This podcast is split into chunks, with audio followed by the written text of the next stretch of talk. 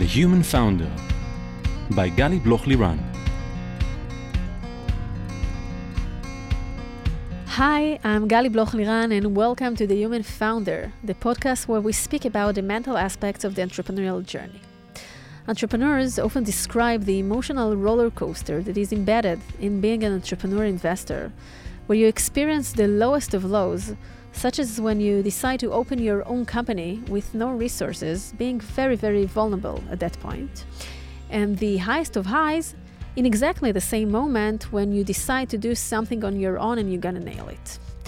And it's from that place of uncertainty, the need to constantly self manage yourself, keep up our energy and be mentally resilient in order to deal with everything, well, it's not easy. In each episode, I will be talking to entrepreneurs, investors, psychologists, being their sounding board, with the goal of creating a space for this less spoken about layer, which is the mental aspect accompanying the entrepreneurial journey. I will also share tips and tricks to help boost your focus, clarity, and mental resilience. And today I have the pleasure of hosting here this conversation together with you, Shani Zanescu, a dear friend and colleague, and it's really, really great to have you here. Thank you for having me. It's my, my lucky day. and thank you, Narkis, uh, for uh, introducing Mhm. between us. Shani, you are a climate tech investor and co-founder of Planetech, and we'll talk about it deeply uh, in a few minutes. You're also the founder of Israel Tech Ventures, a co-host investing in a, a investing firm in a climate tech.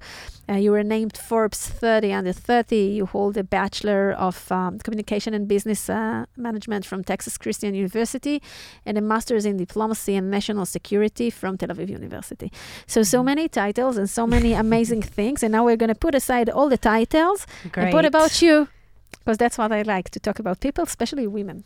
Right, and titles are just titles. Exactly, so and it's I'm just- happy to do that. It's just something that you know we really need because it helps us to put things in in some kind of in boxes Yeah. on labeling on some kind of framing. But as you grow a little bit and be more get more mature, you understand that you actually you want to let go of this you know boxes and to un unbox it. yeah, right? I Unbox it. 100% agree. It's like uh, we can talk about it more, but it's a change that I've felt in the past couple years. That's an amazing starting point. Let's talk about it. What did you feel? Yalla.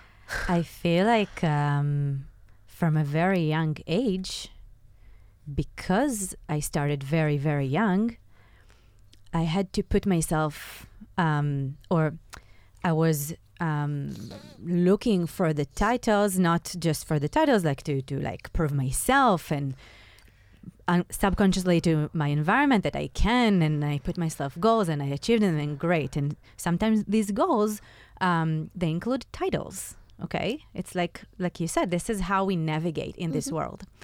And I feel, and by the way, I'm still young. I think. So do I. So do I. um, so it's not about the age, more of um, the fact that I care about the essence of what I do every day when I wake up in the morning and the people I work with, and that they are good, genuine, authentic people who want to change the world. Then, if you call me a climate tech investor or advisor to VCs or like Forbes or this or that, um, and it is important. I don't want to like completely disregard it, but I feel like, um, like you said, it really like uh, moved something because it's like I think it's a change that I've been through in the past, um, yeah, just a couple years. I, I definitely agree and relay, and I can share my point of view about my story. I remember myself being in like mid 20s, I'm 40 today, you know, wanting to change the rule, to establish everything, to conquer everything, like to be the CEO of I don't know what. And how over the years it it really relaxed and, and was much more, uh, you know, uh, uh, in a way that I don't care about the title of what I'm doing, but of the essence, exactly what It's like really you're saying it. And yeah. it's really freeing and like what will my day to day look like what kind of impact i will have on the people i'm working with uh, will it make me happy will i feel joy will every day be different and unique and Mm. interesting and it's really something that creates a lot of inner freedom in your choices in the things that you do when you're less guided by your titles or your labeling and more guided uh, from within from what Right. really makes what really you care about and my, what makes sense to you and not necessarily what the uh, environment yeah, is like directing the, you to do. a sense of inner peace. Mhm. Uh, and in this industry that we're working in, it's very, very difficult. I'm not. I'm not sure I can say that I have inner peace today. People who knows me will not say that I have inner peace, but something is Yeah. much calmer. Yeah. L- like you grow, you grow up, and and and you get perspective, you know, on things. Yeah. And and you through meditation and mindfulness and many uh, personal development tools that you embrace through your life and retreats and uh, you know working on the brain, etc. So you learn how to be more fulfilled from the inner um, space that you create Right. and not necessarily be nurtured just from you know the external voices and labeling yeah. and, And, and I think, by the way, that this is what uh, makes great companies to be built. Because when a uh, founder is find, doing something that they actually feel like they want to do, no matter what the title is, no matter if it's like a sector that is hot now or not, or if it has money or not, it it makes the whole company even um, more um, real Mhm. and more just aligned with everything, and in the long term also more successful. So- because it brings much more authenticity into Exactly. the table and into the doing and into uh, you know the roadmaps that we have it's not just because it's nice to have or people are talking about it it's really an inner drive uh, towards uh, success so i want to get back to this inner drive and this uh, dance you know f- Hmm. between the labeling and the boxes and our wish uh, inner wish uh, to be released from it and to really Mm. just create our own path and I want to take you back to your path and how the heck, in the age of 30 approximately, uh, you're building this kind of well, maybe empire, it's a big word, but really uh, as a, a lead investor in climate tech in Israel, which is a nowadays it becomes more and more, uh, you know, uh, uh, uh, spoken about and, and much, m- much more investments and uh, the the ecosystem is starting uh, in the recent you know one or two years to talk about it and it even becomes such kind of buzzword you know that everyone wants to Mhm. uh, take some part of the portion of the you know of the cake uh, uh, in this uh, conversation but how do you actually navigate your career in order to be in the centrum of it Hmm. Okay, so I think everyone has like a um, benchmark or like a point when they start the story, right? Like, uh, so for me, I mean, it starts way back. Um, and when I was 15, I grew up in Misgav, which is in northern Israel. Even Israelis don't necessarily know where it is. It's beautiful. And then um, the west galilee the West Galilee, I guess. yeah. Um, and then uh, one day, my parents told me that we were moving to Fort Worth, Texas, which is, I mean, teenagers, Texas. You can imagine. I don't think we have time to go into all the drama that uh, happened back then. I wasn't so um, chill and peaceful like I am today. Um, but it built you it did. Um, it was um, one of the best experiences in my life, um, but, and I'll tell you why. Because after almost three years with my family there, so I moved there. I was bumped to class. Okay, so I graduated high school very early. And what do you do in the U.S.? You apply to colleges. I had to take the SAT and like do this whole um, thing, and uh, which is a challenging in itself because I didn't know English. Like the fact that I'm now speaking to you, like it's a gift on its own that I- needs to be acknowledged. it's it's a big win It- with yourself the best. the best Um, not the best, one of the best. Um, one of them anyways, and then um, I got into TCU, Texas Christian University. Um, and my family went back. And for the first time in my life, I had to make an actual, like, adult decision. I had to decide if I'm going back with my family back to Israel um, or stay, graduate, and go back. Now, I was not even 17 when I had to make this decision. And for me, it's, um, it's an epic moment in my life, not because of the decision, but because it's the first time that I remember that I felt intuition. I felt my guts. I felt like so um, confident in something inside. I didn't know it's called intuition. Now I can tell you, but I've never felt it before. And something in me told me, Shani, you can always go back to Israel. Just try.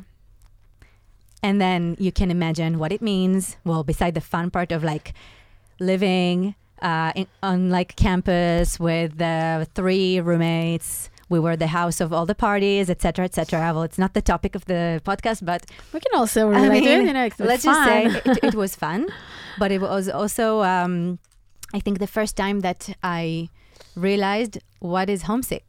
Mhm.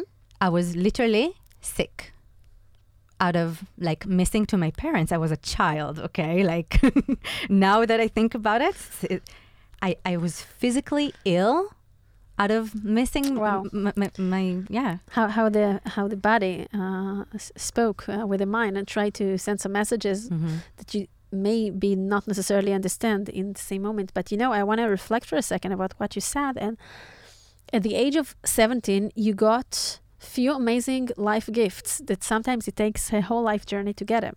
First of all, your intuition Mm. and the ability to listen to the intuition. It's two different things. True. We may have the intuition, but we don't necessarily listen to it.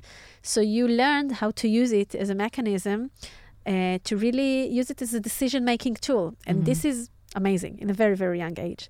Second thing is the English that we spoke about, and it's amazing. And we all know as uh, how how much this is a very big barrier for Israeli startups. Even if they have like good English writing or something, their uh, uh, vulnerability and insecurity to speak to speak up in Mm. English and to be afraid of the mistakes that they will make, etc., etc., really uh, uh, stop them in the beginning of the journey to go out to speak to people. And I know many founders that still today really prefer. They are not necessarily the CEO. They may Mm. hold different positions, but they really prefer just to work internally into the company Mm.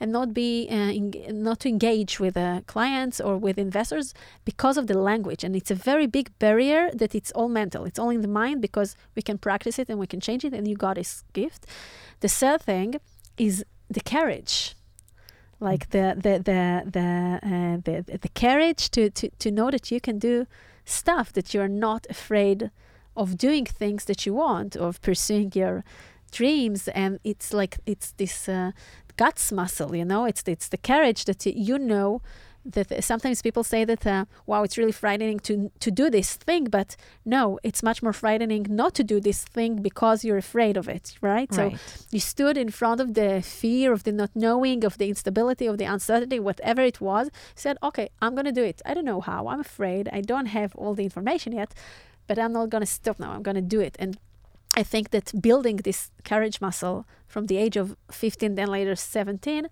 is something so important that builds such a big part of your character and of your stamina and resilience that later on serves you in many many ways on your in your life because you know that you can trust yourself you learn over and Mhm. over again that things Yeah. will be okay i can trust uh, on myself and the last thing that you said like the homesick so you also learn to appreciate what's important for you in life because you miss it Mhm. and and and you know how later on in time you will want to integrate it that it won't be either this or this you want to make it a whole a, something Right. that is completed so it's a few amazing things to learn at the age of 17 i'm not saying that you necessarily understood it all then Right. It took it me took time. you some time Yeah.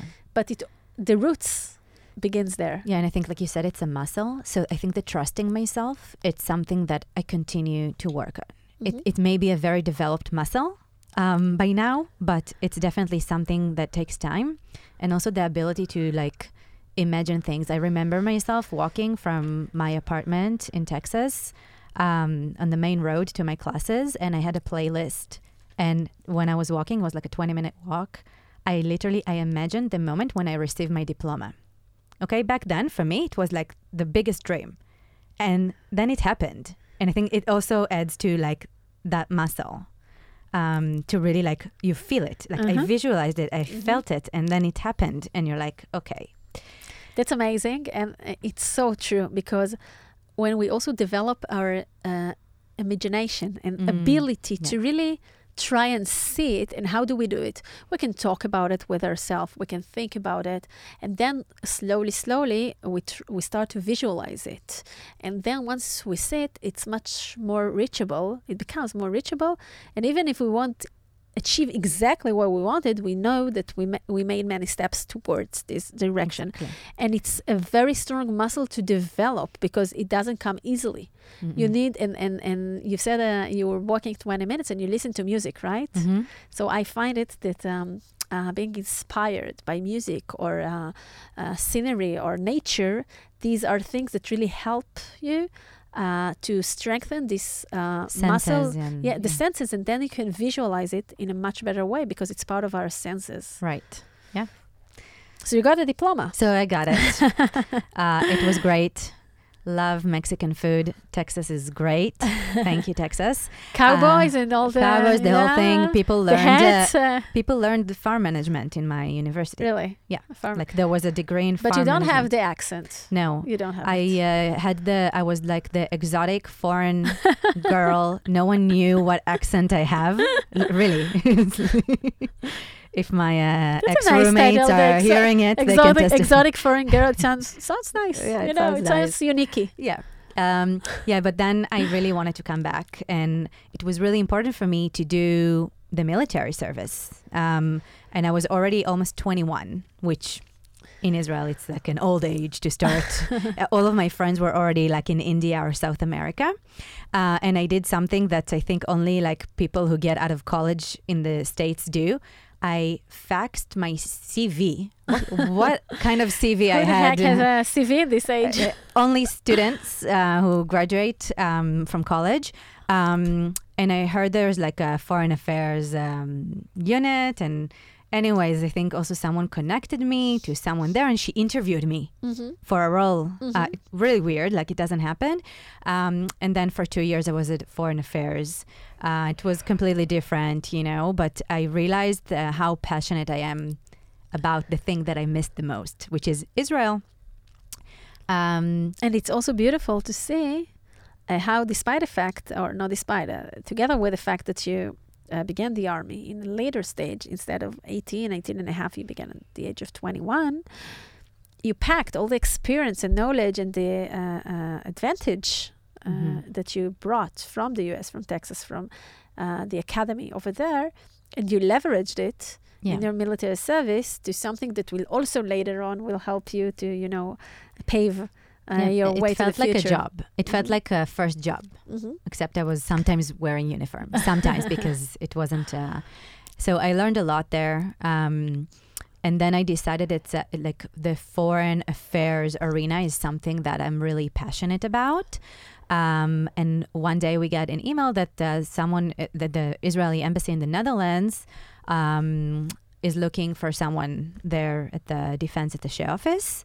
Um, and again, I think by now, like just listening to my instincts, whatever, it was already like in motion.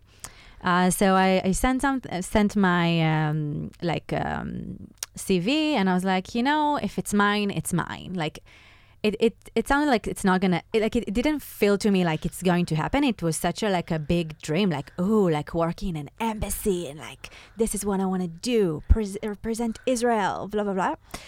Um, and so I got it. I got the role, and I did another relocation.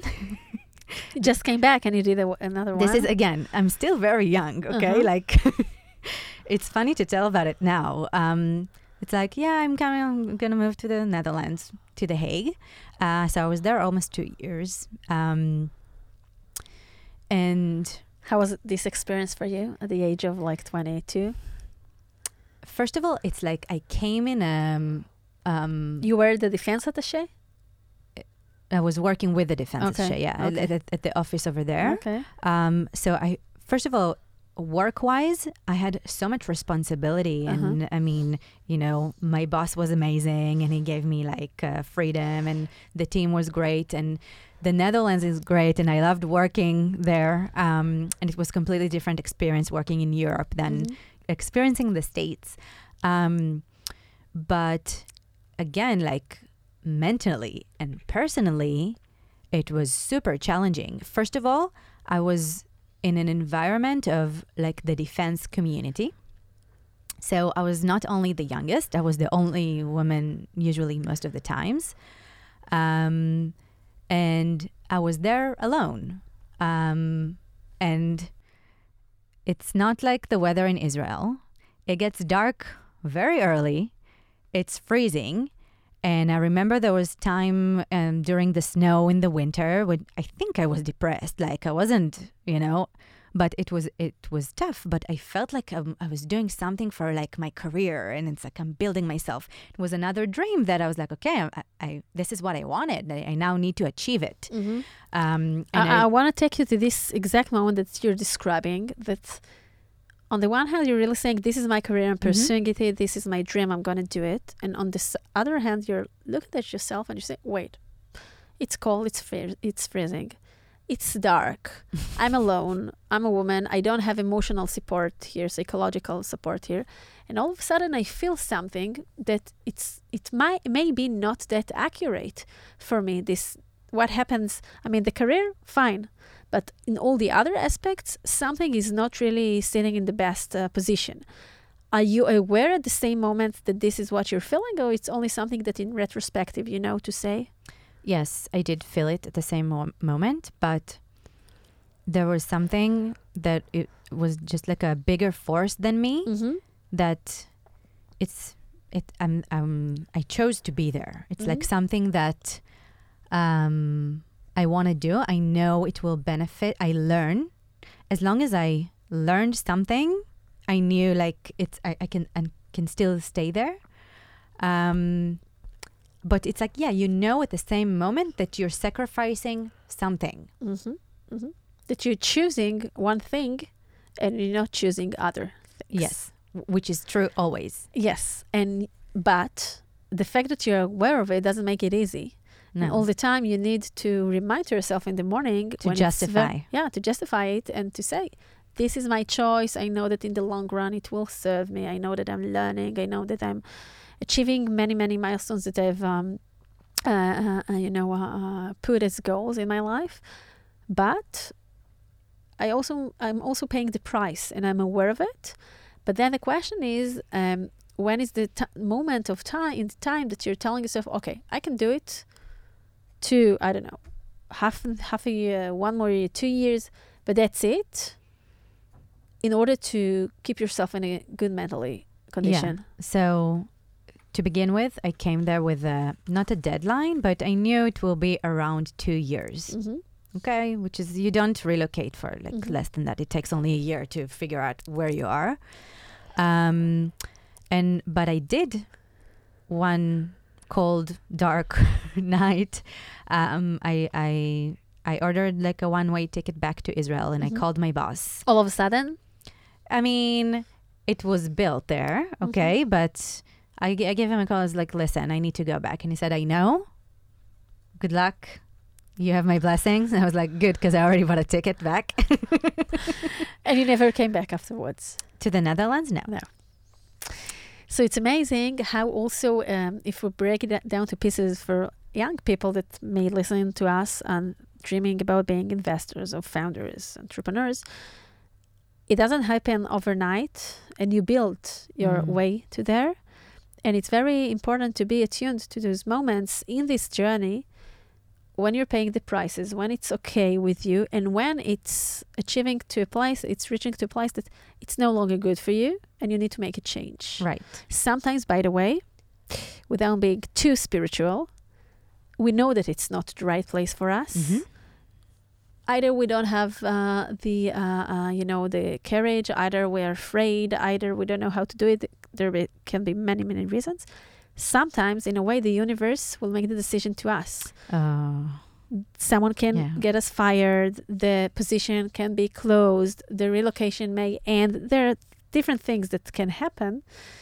Um, but when we dive deep into it, we know to say that it is the right thing to do. I just had yesterday a situation of uh, um, working on some project that the other side said that it doesn't want to work on this project anymore.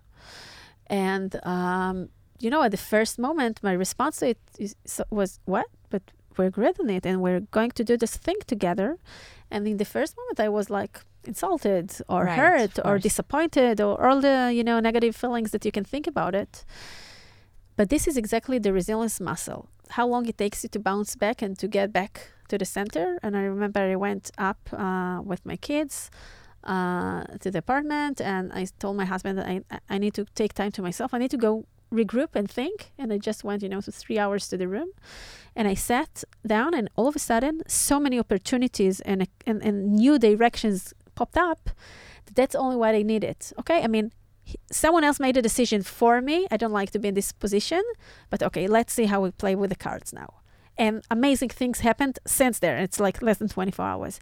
So Yeah. it's, sometimes things are coming from another direction, and we need to be attuned to it, to listen to it, and to try to ask ourselves, what is the word trying to say to us, Yeah, I, I and think how we go along with it. we have to. And if there's, I'm always learning. I don't have answers to everything, but if there's one thing I know for sure is that the universe got my back. This is for me. This is the resilience, and it's not spiritual. It's a fact. Like I know it, two Prove it. hundred percent in my every bone in my body. It, it, it has my back. Pl- please explain it to the more scientific people who listen to us. What do you mean by that? The scientific should know. They know the universe. no, I mean, like you said, it's exactly like the, and I have so many examples uh, of time when the the the world, the universe, call it whatever you want. Okay, you can call it something less spiritual, whatever. Um, the decisions are being taken for you, um, and it may be super painful. But I also feel that sometimes, or specific people with or certain personalities, you know, it just happened. It hap- it happens for you sometimes. Mhm. And the more we're attuned with it, and like sometimes it's painful, and sometimes you have question marks on why it happened and why, but let's try. And okay, fine. Like you, it's it's for me, this is the way to stay resilient is to be upset about it. Mhm. I can get insulted, you know, whatever, um, whatever it is that I'm feeling. But I know that the, the, the long run or the short run, that there's a bigger plan like that is meant for me, um, and I need to go along with it. It's like it's like that uh, muscle of trusting yourself is also trusting the The bigger universe, the bigger picture. the bigger picture because we're not alone in this right, world. Right. We're it's, not it's- alone. It's, all, you know, pieces of atoms that work together. And I'll continue what you just said. So the trusting ourselves also connects to let go, to learn how to let go. Uh-huh. and this is I'm one of the so things. good about yeah. I know, I know. Like you, the same, the same, the same for me. But uh, that's why I wanted to emphasize it because for people who are very task oriented and very high achievers and and really like to be out there, that you're like this, I'm like that. So this muscle of letting go is a very difficult one Mm. because it's actually controversial to being in control, right? And we want to control our situations, our decisions, what happens, etc. And I see all the time, both for myself, but also for the founders that I coach and investors that I work with, that I think this is one of the strongest lesson, strongest lessons that we need to all the time work with and learn from is the understanding of letting go of control, not completely, not totally, of course not. We don't want to create chaos, but to have this flexibility and agility there to change Mhm. the situation, to change our expectation from the situation, like to, listen, navigate, to of. listen to the world, to listen to what happens, and also to sometimes to learn to let go. If something didn't work in one direction, okay, let's drop it. There's a better way. Yeah, That's let's the find to the other way. it. Yeah, let's There's find the other something way. better. And by the way, it's true in professional setting. It's true in dating. It's true with friendships. It's, It's, true in with every- investments, it's true in everything. Right. So, anyways, I came back to Israel, and I told myself, okay, I, I want to be in Israel. Like, I want to be here. Let's fast forward a little bit uh, because it's like uh, I can. Uh, Yeah. um, I didn't know what I was going to do. As mentioned, I bought a one way ticket and I, I signed up for a master's degree in Tel Aviv University. That's all I Let's had go to school. Uh, in diplomacy and national security. It was fun. It was like my my thing. Uh, and I started looking for a job. It was torturous, like Like like it is. um, and then I started working at the British Council, which is uh, connecting uh, the UK and Israel through um, um, um, science, innovation, culture, higher education. Uh, I started as- as a project manager, and I think after six months, I was promoted to be like the manager of the team, which is a whole episode about that we can do. Um, and I had a lot of uh, learning there. I mean, wow, like a lot of learning. Um, but I think the the biggest takeaway from there is that I've realized that yes, I'm very um, moved or making decisions from you know the place of uh, representing Israel and this like foreign affairs uh, arena and all of that. But what I'm most passionate and interested about um, is the science and innovation because I started interacting with researchers and scientists and entrepreneurs through the overall activity. And I realized that this is what makes me excited. Um, so I left there after three years. Uh, and by the way, it was also a moment when there were orga- organizational changes, and it's like, like we've mentioned before, it's like the universe is like, calling you. It's gave me a push, you. kind of like it Mhm. was a lot of changes. Mhm. Um, and there again, I was in a position it's like, what am what I'm gonna do? Uh, and I've managed um, an innovation center for a few months. Um, and there, I think, well, the role wasn't for me, like in a sense of It wasn't the right fit. It wasn't the right fit, Mhm. but the most magical thing that happened there Mhm. is that I was blown away because Mm-hmm. I was interacting with founders of companies on a daily basis and like five or 10 of them every day. And I saw this like fire in their eyes and I was like, these are my people. Mhm. Until now, I thought it's presidents and ministers and I was Mhm. in this diplomacy world. And then I was like, uh, this energy, I want that in my life. Um, and I left. And then there was the dark time of realize, okay, what am I to do? What am I to do? I mean, and you know, it's been after I've done some things in my life. It's not like a, a- it's the not knowing. It's the It's not the not knowing. knowing, it's the managing the expectations. but it's also like not really having any direction and like i was like what am i gonna like apply to roles now Uh, like there's nothing that really makes me Mhm. uh, excited Mhm. there was no title going Mhm. back to the beginning Mhm. there was no title that made me feel like i want to feel Mhm. that is like right for me so i built my own thing which is uh, Which is a great, great, great motivator when you don't find the right suit for you. yeah i wanted to to, create create, one, i wanted to to, create create, my own role And I, I just want to add something else you said about this uh, innovation center that it didn't work right for you. There wasn't a good fit. So I know so many stories, including myself, that sometimes there are things that are so not aligned Mhm. uh, to the inner you, to what you want, to the culture, to many, many things. But if you dive deep, you can get many, many gifts out of them. 100%. And it can be so pivotal point in your life that I don't know to say if it wouldn't come otherwise, because who knows. But it began there. And Mhm. I can also share that my uh, pivotal moment to creating what I do was also from a place that I felt that from several reasons wasn't wasn't right thing for me. Wasn't right fit over the years, okay? Mhm. And this is very and I'm very grateful for it nowadays because you take many many Yeah. gifts and le- learning and lessons uh, out of those places and the question is what do you do with them Yeah. later on? So how from not knowing in, in like this phase of your life that uh, doing many things from a very early stage, living abroad, uh, being recognized for several uh, things, and all of a sudden you hear you, you start to be engaged with the startup world and uh, with investment arms in Israel, and all of a sudden you're getting familiar to this thing called climate tech. okay Let's talk a little bit about what it actually means, climate tech. Okay. There were a few years in between, but let's jump to Climate Tech.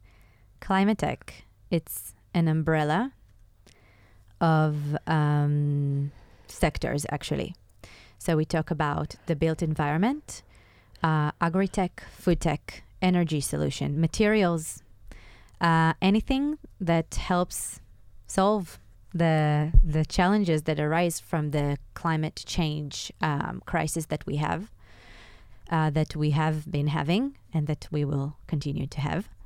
Um, so all the technologies uh, under this umbrella, and I mean, we can talk uh, more about that. But when I started um, my my own company, I started working with investors, and uh, you know, this is how I rolled into uh, this position of working with startups. And then I realized that um, here in Israel, a lot of the startups are doing climate tech, but they're not really saying it, they're not presenting it, and they're not harnessing the like a really abundance of financial opportunities in it in front of their customers, in front of um, investors. And this is kind of what made me dive into that and learn more about it. Um, I, I want to ask two questions that pops to my mind. First of all, you're not coming from climate tech uh, experience or general knowledge uh, further than you know being a person on this uh, uh, uh, uh on, on this earth. And second, um, you weren't an investor before where from in the beginning at the end of your 20s something like that mm-hmm. you have this guts that we spoke about uh, uh, earlier you know that started to be built at the age of uh, 15 moving to texas you take those two things and you say okay i'm going to lead investments in i'm going to lead investments dot and i'm going to do it in climate tech mm-hmm. yes so well, uh-huh. yes so here's the thing so yeah it it was something that I was dreaming of doing. The climate tech part came afterwards, okay? But first, because I worked with startups, I was like, okay, what do startups need? Well, a lot of things, but they need money. Mm-hmm. They need money and direction and a lot of things. I, I know how to raise money. Like that was my first, very basic, and I'm not uh, ashamed. I'm not gonna wrap it in like anything. Like uh, I was like, I, I can raise money. I have a huge network from abroad I'm a people's person. This is my thing. People relate, like, this is what I do. So, this is why I, I opened my company that offered services to investors who wanted to invest in Israeli startups. This is how it all began and I I started working um, with angel investors and also with uh, specific programs that they were looking back. They were all like accelerators and incubators, etc. That looking back, they were all around kind of uh, the same. Uh, world of climate, but I, I didn't connect it back then. It was just things that I was drawn to, and they were drawn to me. Mm-hmm. Okay, mm-hmm. and then um, uh, when I started working uh, with a UK based group that have over uh, $1 billion of investments here in Israel, uh, there were two clusters. Uh, one was medical, and the other one was what we called back then sustainability, environment, agri-tech, uh, you know, stuff mm-hmm. like that. And this is how I kind of like rolled into this whole world of climate tech. Uh, so I was working with a company. I'm also involved in a few boards of companies, um, now mainly in the agri-tech world. Um, and so I, I learned from doing and I learned from working. I, I didn't, it wasn't something theoretical. Um, you know, it's like from the doing, I learned so much. Uh, and by the way, this is the kind of person I am as well. Like I need, I like to be throwing into the tachles. and um, I, I from my colleague. I learned from my from the startups I'm working with. I think we learn from everyone, not just the hierarchy of the organization. Um, and I learn by m- making mistakes. So you describe so beautifully how you actually you dreamt about it. I dreamt I mean, the, about it. Yeah. The young girl that came from Misgav to Texas to Israel to The Hague to Israel. uh, all this journey, and it, we spoke about visualizing what we want to achieve at the beginning of our conversation. So actually dreamt about, you know, create, making investments with uh, startups. And then slowly, slowly, it like it began to happen. And the other thing that you're talking about is uh, uh, learnability, the ability to learn from everything. And you said it so, so, so right, uh, rightfully.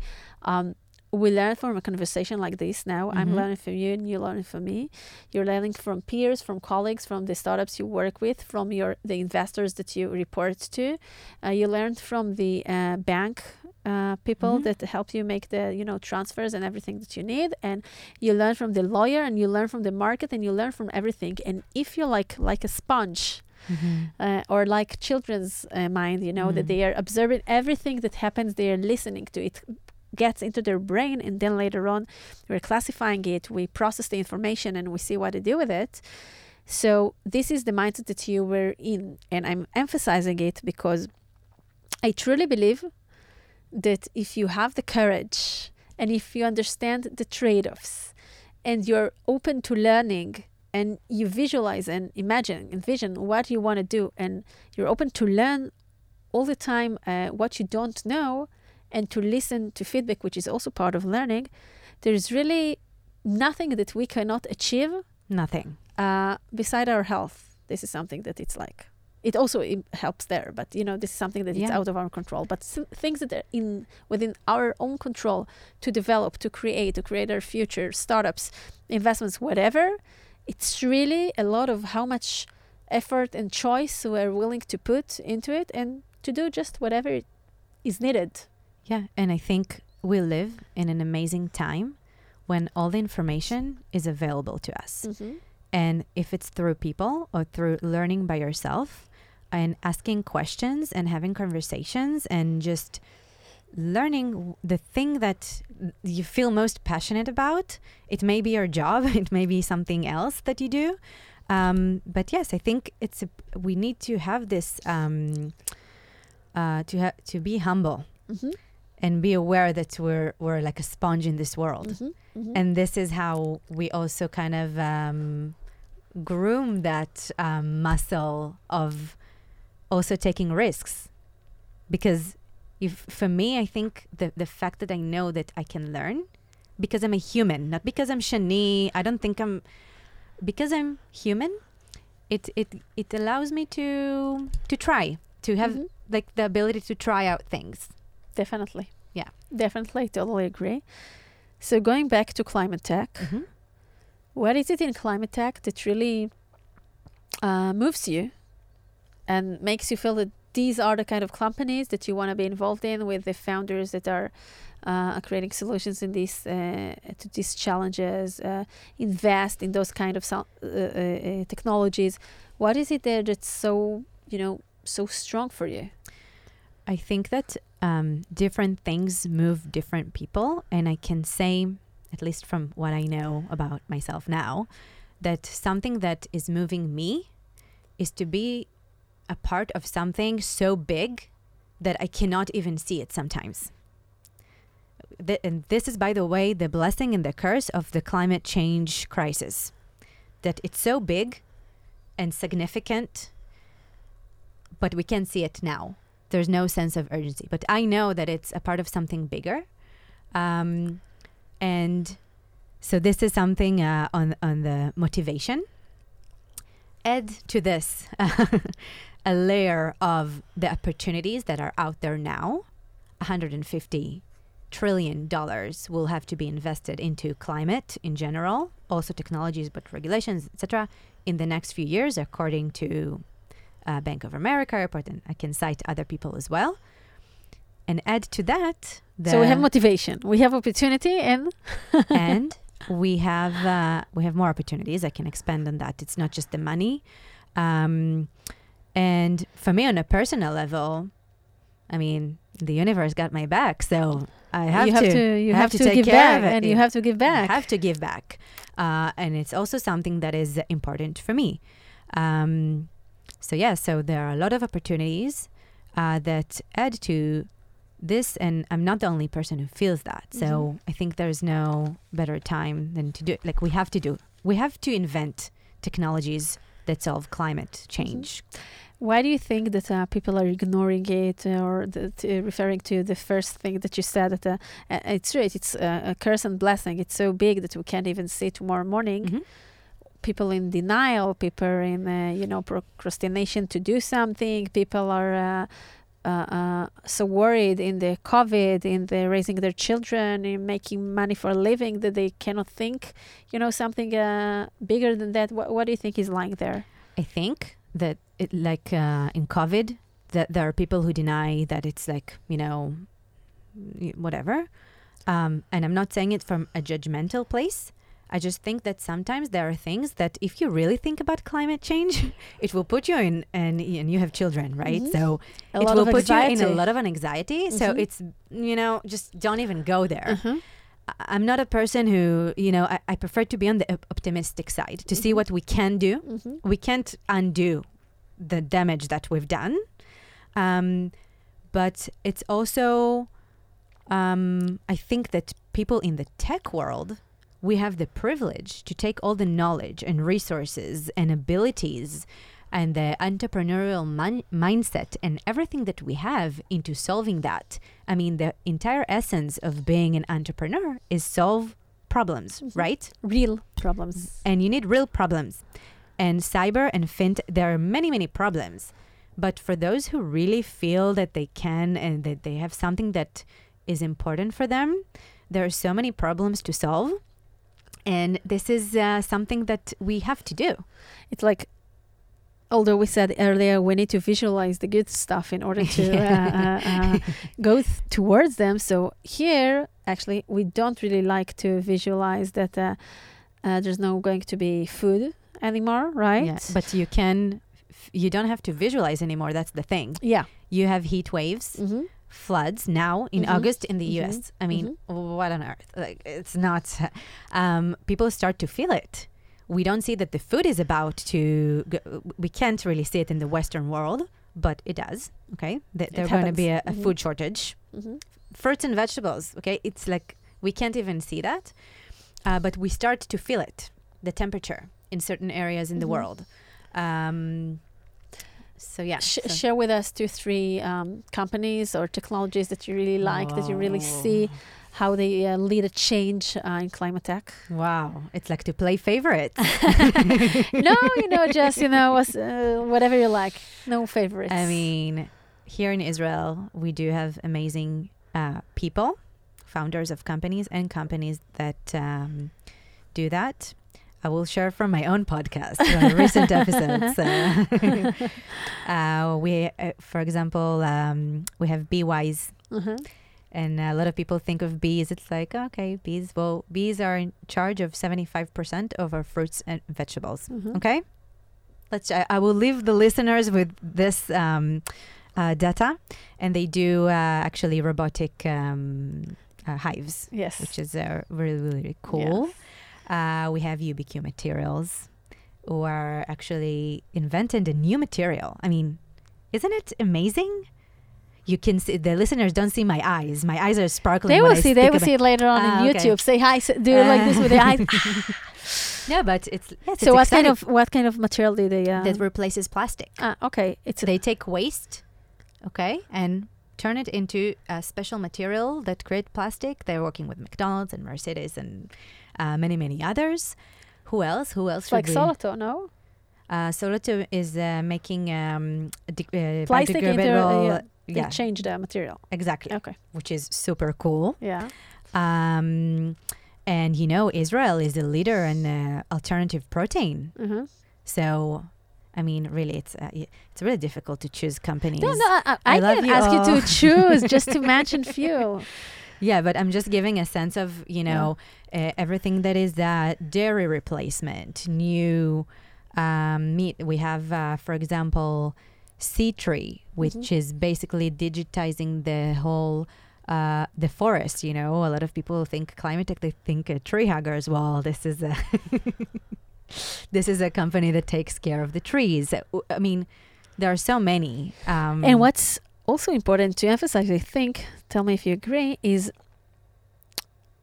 well, you can say that cyber, it's like, although it's it's relevant to many other verticals as well, but it's like it's a vertical of fintech, it's a Mhm. vertical and and uh, I don't know uh, NFTs or or you know gaming. It's all various verticals that yeah, there is some kind of connection between some of them. For example, fintech and cyber relevant to all, but it's cross vertical. But there are some vertical uh, technologies when you talk about uh, climate tech, it's kind of an ecosystem that each um, technology that help in one area actually also create an impact on other things Mhm. because we need to create a common effort in order to prevent those things from happening Right. about the uh, the food shortage or about the uh, the uh, uh, uh, heating waves that we have etc etc so we need to address it or actually here to attack it from various directions in order to create a meaningful impact Right, and it's uh, it's really everything. This is why I think it's a great opportunity for entrepreneurs to build new companies. It can be in the built environment. It can be even fintech. It Mhm. can be a digital climate, protecting digital infrastructures, and you know it's really endless. It can be the actual nature. Uh, protecting ecosystem like oceans and forests. Mhm. It can be about carbon, carbon Mhm. capturing, Mhm. carbon removal, um, and the entire world, uh, you know, is on the race to zero. There are corporates who are actually the customers of these companies who have committed to go net zero uh, very, very soon. You know, 2050 is not that like far away if we think about it. Um, and they, I think, um, yeah, like th- there are a lot of opportunities right now, and it's really endless. there are so many problems that endless. the, the, the, the opportunity is so big and it really uh, affects us all. Yes. Uh, when we want to build houses, when we want to uh, buy food, when we want to raise our children, it's really climate tech. It's so uh, wide and so many things are under this umbrella, and there's really a huge opportunity. We also need to see that we are addressing the right things that will Mhm. create immediate impact and not just to be under this, uh, let's say, sexy umbrella now as a buzzword that ever that also others try, you know, to uh, create a Yeah. momentum there and it wasn't sexy until long ago. until recently. Until recently, yeah. yeah. yeah. yeah. And this is, uh, yeah. So, if um, founders that listen to us have uh, new ideas or uh, uh, product or technologies that uh, want to help uh, Yeah. solve the climate tech uh, crisis, so Yeah. And this is also, by the way, why I co founded the Planetech, uh, which is a nonprofit. So um, it has a lot of resources and information uh, and knowledge that is available for the entrepreneurs, for the founders. So uh, also, um, if you're wondering what is the challenge that you want to solve, then it has a beautiful map of what it is that we need to solve. So just mentioning it as a, like a resource. Um, part of your ideation process and understanding if you're in the right direction. So there's much uh, knowledge there and data and Yeah. uh, things that can help you map your thoughts. And uh, for founders who would like to reach for investments, where they can find you. Well, um, I'm around. I'm always happy uh, to learn and be fascinated by new technologies uh, and amazing people and founders. Um, I'm on LinkedIn, email, shanizanescu at gmail.com. I really, uh, uh, before we hit a pause, I really want to. We just met not so long ago in a very, very unique uh, situation uh, in uh, W, uh, thanks to Narkis and to Iris. And um, it's really amazing. This is, you know, it. I think it's also part of the un- the universe got us back, you know, Mhm. and, and the climate tech, the things and the energy that we spoke about. Things are coming from different directions, and you need to be attuned and to be able to listen uh, to what reality brings to you. Sometimes it eliminates opportunities, sometimes it brings others, but you need Mhm. all the time to fine tune yourself. And it has a really direct connection, to my opinion, and to your opinion as well, I know, to really climate tech, to how, how we need Hmm. to help this, you know, uh, uh, uh, to our planet uh, to be in a better condition, to help each other, even to create companies that are very sustainable to their employees, but also sustainable to the environment, uh, uh, to the usage of the different things that we need there, to the waste, to the carbon, like you mentioned, to to the food waste that you we have, even in all the corporates here. So it's really something that uh, it's. I will even say it's kind of a mindset that once you embrace it, you know how to. Uh, in every direction that you go, to be more aware. It's actually a, a, a way of awareness. It's a level of Mhm. awareness uh, to doing the small things, the things that we can help to improve the situation, but also as founders um, to really invent new technologies that can help. Uh, Yeah, and feel that uh, meaningful um, feeling. Like, what's best than, you know, wake up in the morning and feel like your technology is helping, 100% of it is helping something. I mean, it's it's very fulfilling. Very, yeah.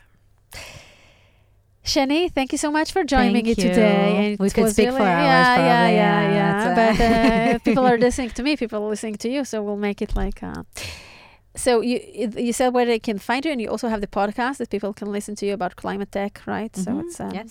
also a great resource. Thank you so much for joining me today. Thank you for having me. I had a great time. Thank you. And to our lovely listeners, we're going to hit pause until next episode. I'll be, uh, that's also something I say today. sorry, entrepreneurs in my clinic in between sessions. If you enjoyed listening, I would really appreciate it if you share the podcast with people who you think would derive value from it.